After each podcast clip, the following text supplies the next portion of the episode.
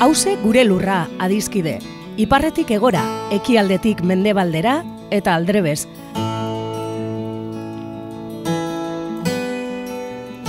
Lurra bakarra dugu edo gaituen lur bakarra da hause. Eta zaintzak dan hori dagokigunez, hemen horretaz egingo dugu berba. Lurraren zaintza kontu ekonomiko, ekologiko eta politikoa da, baita kulturala, kolektiboa eta publikoa.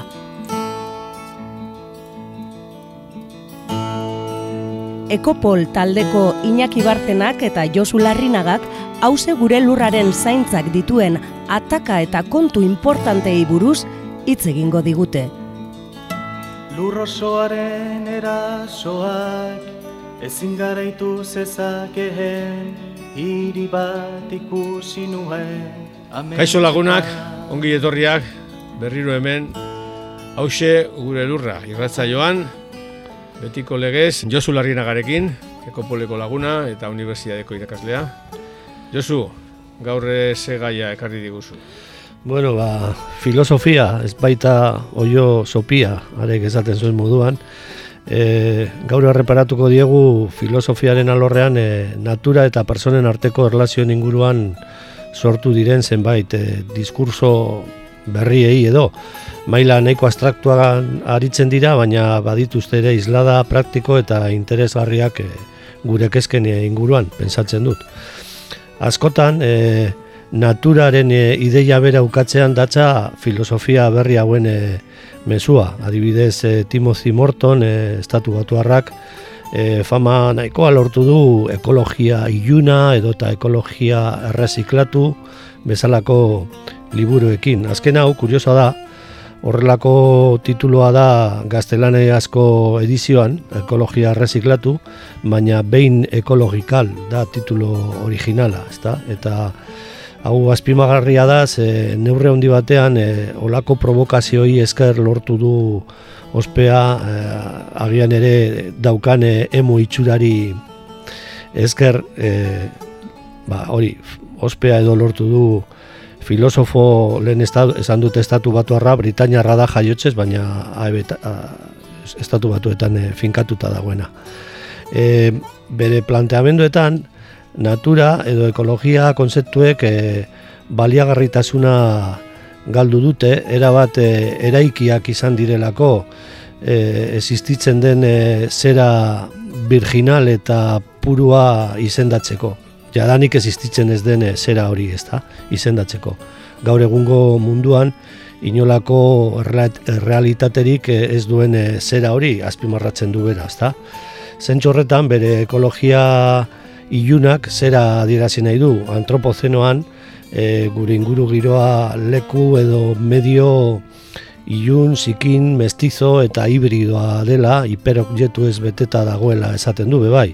E, hiperobjetuak deitzen die, ba, plastikoa, ondaki nuklearrak, elektrizitate zareak, eta olako kontuak, ez da, e, hau da, nola bait, e, existentzia iaia ubikoa, e, erabatekoa, eta leku guztietan egon daitezken e, alako objektuei buruz e, hitz egiten du kontu likitza hauekin jokatu behar dugula defendatzen du eta horregatik ere erreziklatu behar dugula ekologia kontzeptua edo hitza, ezta? Betiko diskurso ekologista berari lar puru, virginala eta naturala iruditzen zaio. E, bere ustez gure aroa ezaguarritzen duena izaki bizidunen e, estintzioa edo zuntxik eta izugarrean e, egotea da, hori izango litzateke ezaugarri nagusia, ezta? Baina hortik aurrera ba, bere diskurso hori nahiko fatalista suertatzen da, ezta? E, ni horretaz e, irakurtzen e, goratu naiz e, ekologisten arteko zenbait eztabaidetan behin baino gehiagotan e, entzun diogu adibidez Iñaki antiguidaderi pues esaten orain e, zabortegiaren erdian gaudela eta bertotik irtetzeko estrategiak ezin direla izan e, bakarrik e, jauzi erraldoia eman eta ziplo ba, baso virginalean babestu, ez da, bidea egin behar dugula desastrerik irtetzeko eta bide hori ba, zeratik e, zabortegian zehar e, egin behar dugula, ez da. Baina zer nahi duzu esatea, mortonen, mortone emoaren diskurso ilunegia da, nire ustez. bai fondo aldetik, bai forma aldetik ere, postmodernismoaren izkera oskurantista maite du, eta askotan erabiltzen dituen irudiak, e, metaforak, paralelismoak edo adibideak e, e, arte eta pop kulturaren ere mutik hartzen ditu, literaturatik, e, zinematik, zentsu horretan zizeken e, itxala segurazki handia da, handiegia, Ze Esloveniarrari gertatzen zaion moduan, azkenean e, Mortonen diskursoa motelgarria, apalakagarria izan daiteke, ez da? Desastre eta kolazoaren erdian gaudela, ba, zarra bortegiaren eta ilunpen bihotzean baldin bagaude, zer egin dezakegu? Berak e, antropocentrismoa eta fatalismoa gainditu behar dugula planteatzen du, baina badirudi bere estetika emorrak ere bere izaera beltzez e, blaitzen duela, ez da? e, aukera badu entzuleak e, zera, googleatu dezake orain aipatuko dudan beste filosofo hau frantziarra Baptiste Morisot du izena eta honen itxura ba, hori nazional geografikoko aurkezlearen itxura e, berdaderoa dauka, ezta? E, Baina kasu honetan, e, itxurak e, lagun eta beri diskursoare askoz freskoago eta positiboa iruditu zain diri. Honek bizitza basatia aldarrikatzen du, antropozentrismoa gainditu behar dugulakoan ere, baina bere proposamena basoan sartzea eta otsoen, otsoen uluei ulukaka erantzutea proposatzen du. Berak e, horrela egin du inoiz eta e, pues, onako kontua kontatzen ditu, ez da, otxoek batxutan erantzuten dituztela, agian kasu batxuetan inkluso bere uluek pegoa eman dutela eta otxo batxuek hurbildu direla bera egondako lekuetara, ea zer demontre gertatzen den hor, ez da, zer, nor demontre edo zer demontre ari den ulukaka. Morizotek ere bere ez du bere burua engainatzen, badaki ez dela erreza otxo batekin komunikatzea, baina portaera honek eh, beta ematen dio oso ausnarketa interesgarriak egiteko, ezta? Munduan munduan bizirik egoteko manera asko dagoela eta horretaz ere konturatu behar garela. Gaur egungo krisi ekosoziala batez ere sentikortasunaren, sensibilitatearen krisia dela esaten du, galdu dugula erabat eh, beste izaki bizidunekiko sentiberatasuna, e, batez ere kultura modernoan, e, berak Laturren, Bruno Laturren kontzeptu hori hartzen du ezta modernoek. E, modernoek zuntxitu dugu biziri dagoen munduarekiko sensibilidadea, gure kristalesko jauregian babestuta bizi garela pensatzen dugu, ez lotardilek e, esaten duen moduan, beste inoiz, beste irratzaio batean planteatu dugun moduan, eta ikusten dugu, ba hori, beste guztia, e, molestia edo mehatxu moduan e, prozesatzen dugu? Ez e, bizitzaren bilbea edo sarea osatzen duen izaki bizidunen e, realitate konplexua, anitza eta erabat elkarre eraginekoa. Eta horregatik, e, bueno, e, Morizoteke aldarrikatzen duelako ikusezina bilakatu dugun e, mundu basa eta eta ba, gizakiri gabekoa edo gizakiri, gizakien ez aparte e, gizakien batera bere bizitza eta bere bizimodua egiten duena eta gure bizitzan eta gure bizimoduan naiz eta gu pensatu ez ez izugarrizko e, garrantzia eta eragina egiten duena ezta? Eta ez dugu hemen e, aipatu behar gaur egungo gai nagusia pandemia elakoa ba, bueno, nola islatu daiteken egoera horretan ezta? Ba, bueno, hori e, planteamentu biziago eta basatiago eta nola ere libreago egiten duen e, morizot honek e, ba, nire ustez e, badauka ere interes gehiago bestearena baino, ezta? Eta zentsu horretan ba, ikusezina e, bihurtu dugun guzti hori berreskuratzeko eta gure burua ere mundu konplezu horretan e, kokatzeko egin behar dugune alegina, sentiberatasun alegina aldarrikatzen du Morizotek eta horregatik iruditu zaite interesgarria.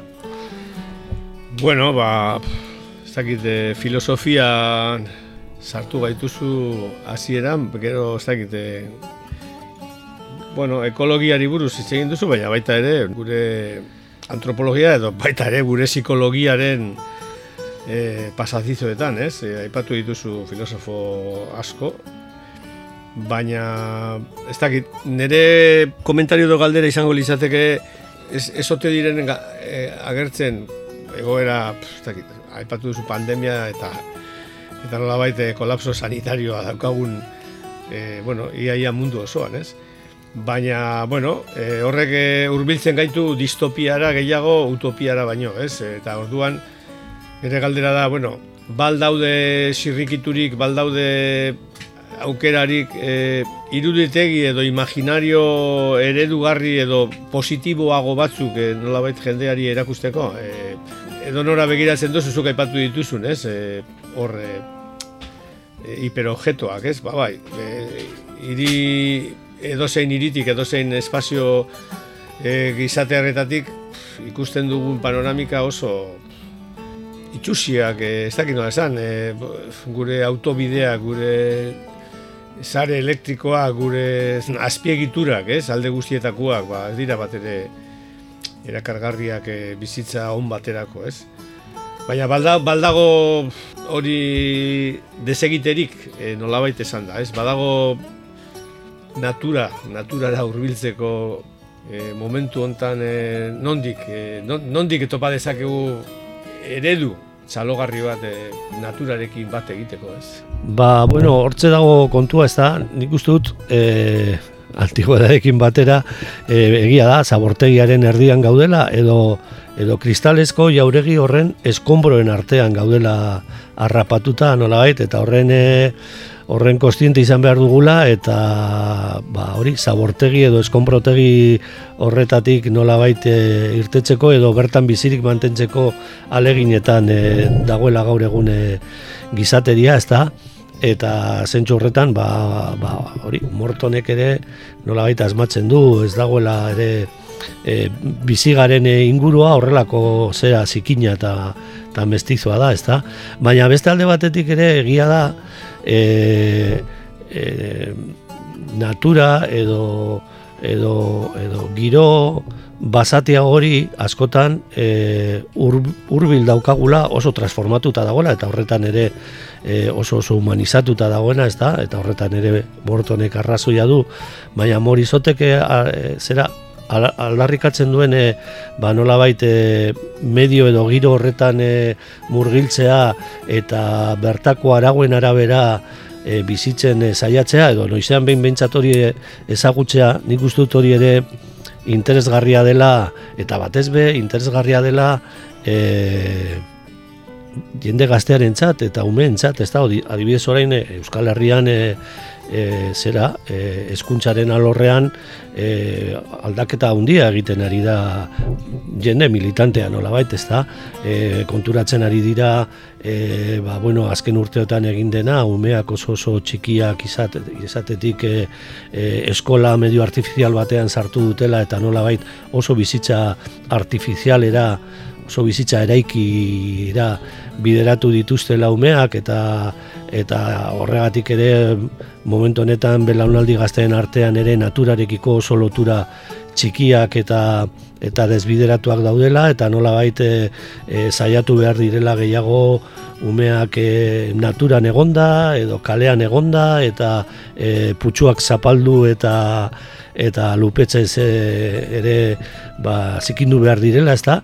Eta zentsu horretan nik uste dut, e, adibidez, e, estrategia hori edo orain Euskal Herriko eskola askotan egiten ari direna, Euskal Herriko ikastola beratzetan eta noski lehenago konturatu ziren eta medio gehiago daukaten ez ba, asko zase hobeto kokatu da daude zentxorretan bebai, ezta? baina eskola humil askotan ere ari dira orain prozesoiek eragiten, eta orduan zentsu horretan ba, hor dago nola bait, nik ustez morizoten e, planteamentu hori ez da, eta nik ustut hori aberazgarria eta edonoren e, nortasunaren ere indargarria dela eta nola baitere badela e, gerora begira e, gerota gehiago praktikatu beharko dugun ariketa bat, ez da, ariketa personala bai bai, baina nola bait e, morizotek ere asko aldarrikatzen du, ba, zenbat e, e, zientzia zale eta zenbat zientifiko dagoen orain adibidez, ba, alako ezagutzak e, zarean eta kokatzen askotan e, aktivismoagatik edo militantismoagatik, ez da, ba, zen olako harremanak daude, ez dakizet, ez dakizer landare eta zer animalien artean, eta horrek zelan eragiten duen gure bizimoduan, eta, bueno, ba, hori, orain danokari gara azken urteotan zagozarrei buruz hitz egiten, eta beste ezagutzen, iaia ezagutzen ez genituen eh, hainbat animali buruz, eta bar, eta bar, ez da. Eta, bueno, zentsu horretan irustez, e, biofilia e, bultzatzea, eta e, teknofilia moteltzea ez dakit hori ifrentzua den, baina ba, beti dela ariketa interesgarria. Burra, burra etorri zait e, beste filosofo bat, filosofo politiko bat, e, Thomas Hobbes, Leviatan obra e, idatzi zuena, eta karo, e, Leviatanen e, Hobbesek e, mila bosteon da irurok eta pikuen, ez? E, e, erakusten duen naturari buruzko irudia guztiz diferentea da. Eta hor, bueno, jo, e, bueno, jo atxekitzen zaio homo homini lupus. Hau da, ez, ez du, e, otsoari buruzko inungo, inungo irudikapen e, positiborik, ez? Kontrakoa, eta berak natura, ezke guztiz, e, nik uste dut, pairatzen dugun egoera, bebai, beste filosofietatik dator, ez? E, Hobbes hain zuzen ere da individualismoaren e, oinarri, oinarri filosofikoa, ez? Berak defenditzen duena, nolabait e, gizartea, gizartearen zelura nagusia da individua dala, eta individua arrazoi, arrazoi duna, eta nolabait naturatik eskapatzen duena, zen berak esaten duen bezala, egoera naturala da, bakartia, e, naskagarria, e, ez dakit, e, mesfidantzaz beterikoa eta erasos beterikoa bai, ez? Orduan alde egin behar dugu egoera hortatik, egoera zibilera edo egoera hori, e, e, iritarrara, ez? Bueno, hortik, hortik e, bidai hori egin dugu eta agian orain bidaia atzera jo behar dugu, ez? Ba, ni horretan nago, ba, ez dakit, bi, bi, bidai hori edo deseia iketxe hori egitekotan, ikuste dut, bai mortonek edo bai Morizote planteatzen dituzten gauzak nik uste oso interesgarria dira. Ba, eskerrik asko eskartzeagatik e, bi aipamen horiek ere oso interesantia dira. Eta musikaren alorretik e, ze, ze proposamena egingo diguzu gaur. Bueno, ba, ja, e, kanta aipatu baino lehen, inaki aipatuko duz, lehen aztu zait, Morizoten liburua badago errata natura izeneko e, argitaletxe batean e, gazteleazko edizioan e, argitaratua eta dinote hori ere kurioso da e, argitaletxe hori espezializatuta dago edo e, bueno, nature writing e, ingeles ez deitzen dute bueno, hori naturari buruzko e, literatura Wilson bai, bai. E, Wilsonen e, beste programa batean ere aipatu gunen e, Wilsonen e, medio planeta edo bai, bai. eta hor, hor ere argitaletxe horretan dago eta kurioso da argitaletxe hori e, e, elbidea dauka Madrileko e, zera, of, bulego batean, ez da? Bulego edifizio batean, baina orain dela gutxi irakurri nuen ez dakit nun baiten, bikote batek eramaten duela eta Kantabriako mendietan e, etxe batean bizi direla eta hortik lan egiten dutela e, nolabait literatura alor horretan, ez da? Dinotere, e, bueno, Neo rural. Hori da, ba, bueno, interesgarria da, bai, eta nolabait kokatzea ere. Eta, ba, kanta, e, Joseba Irazokiren azken diskoan badago e, nire ustez, e, bueno, elkarrekin e, ikusten egon ginen e, kafean txokian, sekulako jauzia eman du irazokik diska honekin, baina baita diskoaren diseinuan, e, bueno, zuzenekoetan, eta letretan ere, nire ustez eman du kriston berak beti esaten du ezaiola gustatzen letrak egitea, baina oso letra honak egin ditu, ambiguak eta behar diren moduan, ez da letrak e, e, esan nahi asko euki dezaketenak, eta badago bat e, ikusezina e, deitzen den kanta bat, eta, bueno, ba izan ere e, irazoki horri buruz pensatzen egotea, ez da, ikusezina bilakatu dugun hori mundu e, e natural hori e, bizitzaren e, bilbea osatzen duen e, kontu komplejo horri buruz agian, horri buruz kantatzen du agian ez, baina kanta oso polita da dena. Ba, entzun dezagun.